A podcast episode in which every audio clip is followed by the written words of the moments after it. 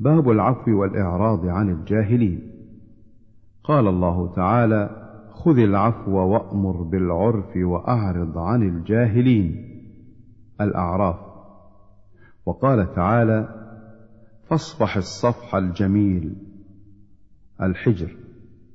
وقال تعالى وليعفوا وليصفحوا ألا تحبون أن يغفر الله لكم؟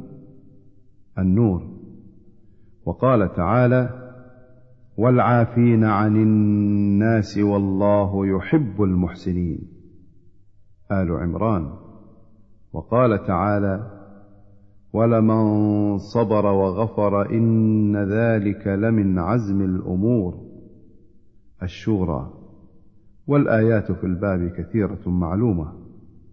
وعن عائشة رضي الله عنها أنها قالت للنبي صلى الله عليه وسلم هل أتى عليك يوم كان أشد من يوم احد قال لقد لقيت من قومك وكان أشد ما لقيت منهم يوم العقبة إذ عرضت نفسي على ابن عبد ياليل ابن عبد كلال فلم يجبني إلى ما أردت. فانطلقت وأنا مهموم على وجهي فلم أستفق إلا وأنا بقرن الثعالب.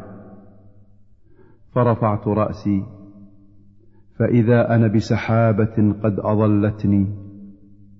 فنظرت فإذا فيها جبريل عليه السلام فناداني فقال إن الله تعالى قد سمع قول قومك لك وما ردوا عليك.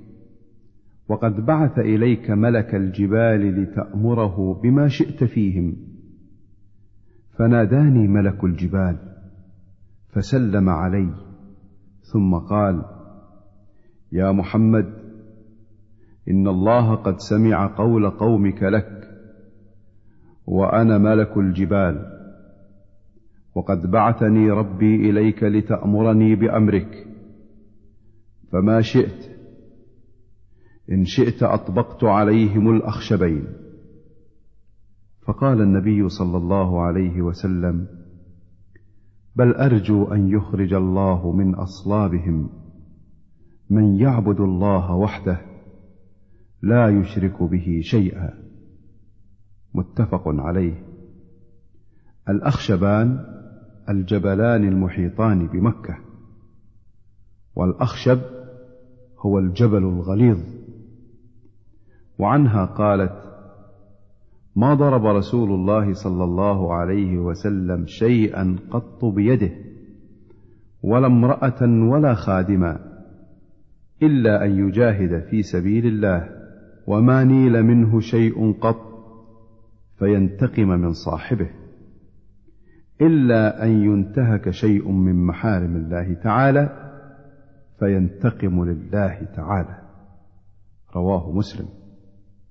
وعن أنس رضي الله عنه قال كنت أمشي مع رسول الله صلى الله عليه وسلم وعليه برد نجراني غليظ الحاشية فأدركه أعرابي فجبذه بردائه جبذة شديدة فنظرت إلى صفحة عاتق النبي صلى الله عليه وسلم وقد أثرت بها حاشية الرداء من شدة جبذته ثم قال يا محمد مر لي من مال الله الذي عندك. فالتفت إليه فضحك ثم أمر له بعطاء. متفق عليه. وعن ابن مسعود رضي الله عنه قال كأني أنظر إلى رسول الله صلى الله عليه وسلم يحكي نبيا من الأنبياء صلوات الله وسلامه عليهم. ضربه قومه فأدموه وهو يمسح الدم عن وجهه ويقول اللهم اغفر لقومي فإنهم لا يعلمون. متفق عليه.